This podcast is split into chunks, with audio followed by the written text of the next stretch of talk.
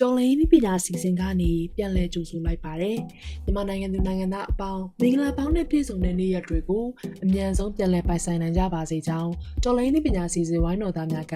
ဆုတောင်းမေတ္တာပို့သလိုက်ရပါတယ်။ internet ပေါ် social media တွေပေါ်မှာအရင်လို Facebook တွေ Messenger တွေတွင်ကတွေမကပဲ Telegram တွေကပါအနေအများတဲ့ link တွေပြန့်နှံ့လာတာအချက်လက်ခိုးယူခံရတာတွေချင်းချောက်စာပို့တာတွေနဲ့ဝိညစ်တာမျိုးတွေဟာဒီရက်ပိုင်းမှာတိတိတတ်တာများပြားလာတာကိုတွေ့လာရပါတယ်။ဒီလိုလှုပ်ဆောင်ကြတဲ့သူတွေဟာ social engineering သဘောတဘာဝတွေကိုအသုံးပြုပြီး phishing နည်းနဲ့တိုက်ခိုက်တတ်ကြပါတယ်။ဒီလိုတိုက်ခိုက်ခံရတဲ့အခါကိုယ်အကောက်ဟက်ခံရတာကစလို့အချက်လက်တွေလည်းအကုန်ပါသွားနိုင်ပြီးတခါတည်းရစက်ပစ္စည်းတွေရဲ့အတွင်း system တွေပျက်စီးတဲ့အထိထိန်းချုပ်နိုင်တဲ့ online ပေါ်က phishing အန္တရာယ်တွေအကြောင်းကိုဒီပတ်မှာတော့ရွေးချယ်တင်ဆက်ပေးလိုက်ရပါတယ်။ phishing ရဲ့အတန်ထွက်ကို phishing လို့ထွက်ပါတယ်။ငားများတယ်ဆိုတော့ FISHING phishing နဲ့သဘောတရားချင်းအတူတူပါပဲ။ဒီ phishing ကတော့ PHISHING ဆိုတဲ့ PH နဲ့ပေါင်းပြီးအစာကိုပဲမြင်ပြီးငမားချိတ်ကိုမမြင်တာ digital ငားများချင်းဆိုတဲ့သဘောပဲဖြစ်ပါတယ်။ online ပေါ်မှာလူတွေကိုမနှိမ့်နှိမ့်ချင်အောင်မကြည့်ကြည့်ချင်အောင်ဆွဲဆောင်ရွေတော်၎င်း မလုံးပေး၍တော်၎င်းဟန်ဆောင်၍တော်၎င်းစီစဉ်ပြီးအချက်လက်များကိုဟန်ဆောင်ရယူခြင်းဖြစ်ပါတယ်။ phishing ကပုံစံမျိုးမျိုးနဲ့လာနိုင်ပါတယ်။ link တွေအနေနဲ့တော်၎င်းတစ်ခါလေမှာယုံကြည်ရတဲ့အဖွဲ့အစည်းတစ်ခုခုသို့မဟုတ်ယုံကြည်လောက်ဖွယ်အကြောင်းအရာများပါတဲ့ link များပို့၍ထို link များကိုဝင်လိုက်လျင်မိမိရဲ့ username, password, bank account, ခန့်နံပါတ်တို့နဲ့ကိုယ်ရေးကိုယ်တာအချက်လက်တွေကိုတောင်းတာကိုတွေ့ရတတ်ပါတယ်။ထိုနေရာများမှာမိမိရဲ့ username နဲ့ password တွေကိုထည့်သွင်းမိပါကအကောင့်မိုင်းဆိုင်ရာအချက်လက်တွေဆုံးရှုံးရနိုင်ပြီး bank account number ခန့်နံပါတ်များကိုထည့်မိရင်တော့ငွေကြေးများပါဆုံးရှုံးရတဲ့အထိဖြစ်နိုင်ပါတယ်။မိမိရဲ့အချက်လက်များပုံမူတည်ပြီးလက်ရှိမှာငွေညှစ်ချင်းချောက်တာတွေအထိလည်းဖြစ်ပေါ်နေတာကိုတွေ့နေရပါတယ်။မိမိရဲ့ကိုယ်ရေးကိုယ်တာသို့မဟုတ်ငွေရေးကြေးရအရေးကြီးတဲ့အချက်လက်တွေကို online ပေါ်မှာအမှတ်တမဲ့ဖော်ထုတ်ပြသခြင်းများမပြုမိစေရန်သတိပြုရမှာဖြစ်ပါတယ်။ မိမိရဲ့ငွေကြေးဆိုင်ရာအကောင့်များနံပါတ်များကိုတရားဝင်မဟုတ်သော page များမှာ link များမှာမရိုက်ထည့်မိစေရန်အရေးကြီးပါတယ်။အကယ်၍တန်ရာရှိပြီဆိုရင်တရားဝင် page များကိုဆက်သွယ်ပြီးစစ်ဆေးမြင်မြန်ခြင်းဖုန်းခေါ်ဆိုခြင်းများပြုလုပ်သင့်ပါတယ်။မိမိရဲ့ချိန်သိမ်းထားတဲ့အရေးကြီးအချက်လက်များကိုမြည်သူကိုမှမပြောသင့်ပါဘူး။ phishing link တွေဟာသုံးစွဲသူတွေအသုံးများတဲ့ website ပုံစံဝန်ဆောင်မှုပုံစံမျိုးတွေနဲ့ပုံစံတူပြုလုပ်ကပေးပို့တတ်သောကြောင့်မိမိထံရောက်ရှိလာတဲ့ link တိုင်းကိုစနစ်တကျစစ်ဆေးပြီးမှဝင်ရောက်သင့်ပါတယ်။ဥပမာမိမိရဲ့ Facebook ကမလုံခြုံတော့ဘူးတယောက်က hacking လုပ်နေပြီးဒီ link ကနေဝင်ပြီး password ပြောင်းပါဆိုတော့ email တစ်စောင်သင်ရဲ့ email တွေကိုရောက်လာမယ်အဲ့ဒီ email မှာ link တစ်ခုလည်းပါလာမယ်ဆိုရင် တေချာစွာဆက်ဆေးပြီးမှဝင်ရောက်တင်ပါတယ်။သင်ရဲ့ဆိုရင်မှုကြောင့်အစောတလင်ဝင်ရောက်လိုက်တဲ့ link ဟာ phishing လုပ်တဲ့ link တနည်းအားဖြင့် digital ငါးစာချမဲ့ link ဖြစ်နေနိုင်ပါတယ်။ phishing နဲ့မဲဝဲများသည် link များသို့မဟုတ် attachment များအနေနဲ့ဝင်ရောက်လာနိုင်ပါတယ်။အဆိုပါ link များသို့မဟုတ် attachment များကိုပြစ်မှတ်ထားခံရတဲ့အသုံးပြုသူကဖွင့်ကြည့်ဝင်ရောက်အောင် social engineering ပြုလုပ်တတ်ကြပါတယ်။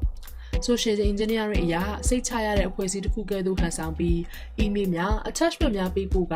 malware virus များနဲ့ spyware trojan များကိုမိမိရဲ့ device တွေထဲ run စေခြင်းသို့မဟုတ်ယုံကြည်ရလောက်တဲ့အချက်လက်တွေကိုအတုပအတွင်နဲ့အတူပူးတွဲပါဝင်လာတဲ့ link တွေကိုဝင်ရောက်မိစေရန်သုံးစွဲသူအချက်လက်တွေကိုထည့်သွင်းစေရန်ဖျားယောင်းခြင်းဖြစ်ပါတယ်။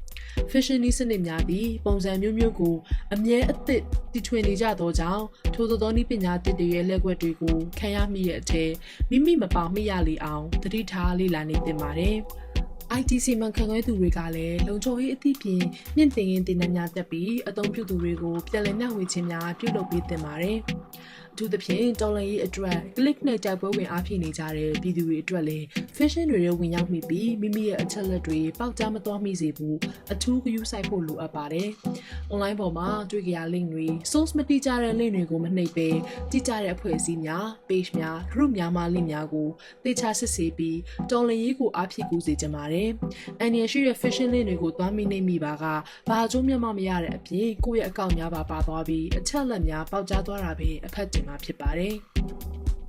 digital လောကမှာအချက်လက်တစ်ခုကပေါက်ကြားသွားပြီဆိုရင်လုံးဝပြန်ဖြတ်လို့မရနိုင်ပါဘူးကွန်ပျူတာတစ်လုံးလုံး server တစ်ခုခုပေါ်မှာ copy တစ်စုံကတော့အနည်းဆုံးကျန်ခဲ့မယ်ဆိုတာကိုသတိပြုသင့်ပါတယ်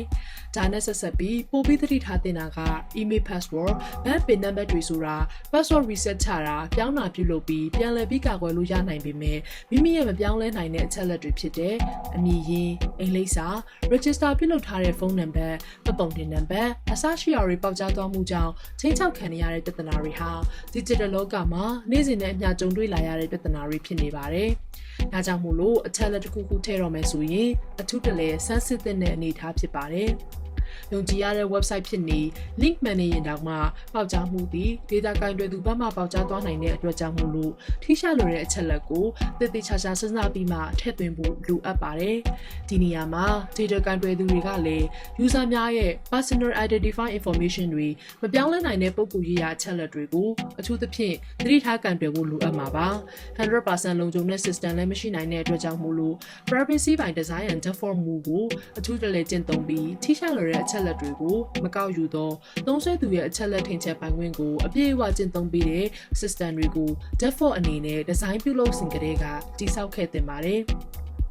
ထို့အပြင်တင်ဖွင့်ထားပြီးမသုံးဖြစ်တဲ့အကောင့်တွေကိုပုံမှန်မစစ်ဆေးဘူးဆိုရင်မတမာသူများကတင့်ရဲ့အကောင့်ကိုအေးအေးဆေးဆေးချဲ့လက်အသုံးပြုနေမှာပဲဖြစ်ပါတယ်။ဒီပညာတွေအသုံးပြုပြီး tools တွေနဲ့စနစ်တကျမစစ်နိုင်ရင်တောင်ပုံမှန်စစ်ဆေးမှုများပြုလုပ်သင့်ပါတယ်။အထူးသဖြင့်မိမိရဲ့အကောင့်များကိုပုံမှန် password ချိန်ပေးတာ two factor authentication အသုံးပြုတာ အကောင့်လုံခြုံရေး setting များချိန်ညှိအသုံးပြုတာစသည်တို့ကိုအမြဲပြင်ဆင်လှုပ်ဆောင်ထားသင့်ပါတယ်။သင်ရဲ့ bank account နဲ့ credit card များ phishing မမိစေရန်သင်ရဲ့ bank statement များကိုသင်ကိုယ်တိုင်မှန်မှန်စစ်ဆေးနေသင့်ပါတယ်။အရေးကြီးဆုံးကတော့မိမိအကောင့်များကိုတူညီတဲ့ password များလုံးဝမထားသင့်ပါဘူး။ ကျွန်တော်တို့နေ့စဉ်အသုံးပြုနေတဲ့ browser များကလည်း phishing တွေအများဆုံးရှိနေနိုင်တဲ့ internet ရုံဝန်တစ်ခုဖြစ်ပါတယ်။လူသုံးများတဲ့ browser များသည်လုံခြုံရေးမြင့်တင်မှုများကိုအမြဲစီမံဆောင်ရွက်နေတဲ့အတွက်ကြောင့်မို့လို့ browser တွေကိုအမြဲ update လုပ်အသုံးပြုသင့်ပါတယ်။မိမိသုံးနေတဲ့ laptop နဲ့ mobile phone များမှာ browser update လုပ်ရန်တက်လာတဲ့သတိပေးချက်တွေကို notification off ထားလိုက်ခြင်းဒါမှမဟုတ်ရပ်ထားလိုက်ခြင်းတွေပြုလုပ်မိတယ်ဆိုရင်တော့ update လုပ်ဖို့အတွက်သတိထားမိမှာမဟုတ်ပါဘူး။ အခုလက်တလုံးမှာနိုင်ငံတွင်းအသုံးပြုနေတဲ့ mobile money အကောင့်တွေကိုလှမ်း hack တာတစ်ဖက်လက်နဲ့ဘဏ်ကဆက်သွယ်သလိုဟန်ဆောင်ပြီး OTP ကုတ်များကိုတောင်းယူကအကောင့်တွေကငွေကြေးတွေကိုလှည့်ထုတ်လိုက်တာမျိုးတွေဖြစ်နေတဲ့အတွက်ကြောင့်မို့လို့မိမိရဲ့ငွေကြေးဥစ္စာများဆုံးရှုံးမှုမရှိရလေအောင်အထူးဂရုစိုက်သင့်ပါတယ်။တော်လည်ရေးကာလတွေမှာအင်တာနက်ပေါ်ကတဆင်လဲထိခိုက်ဆုံးရှုံးမှုများမရှိရလေအောင်အစအစအရာရာဂရုတစိုက်သုံးဆွဲလှုပ်ရှားခြင်းဖြင့် phishing ရန်ကိုရှောင်ရှားနိုင်ရင်မှာကြားဖို့အတွက်သတိပေးရင်းနဲ့နောင်ပတ်များမှာလည်းဘလို့စီစဉ်ကောင်းများကိုဆက်လက်တင်ဆက်ပေးသွားအောင်မလဲဆိုတာစောင့်မျှော်ကြည့်ရှုပေးကြပါအောင်ရှင်။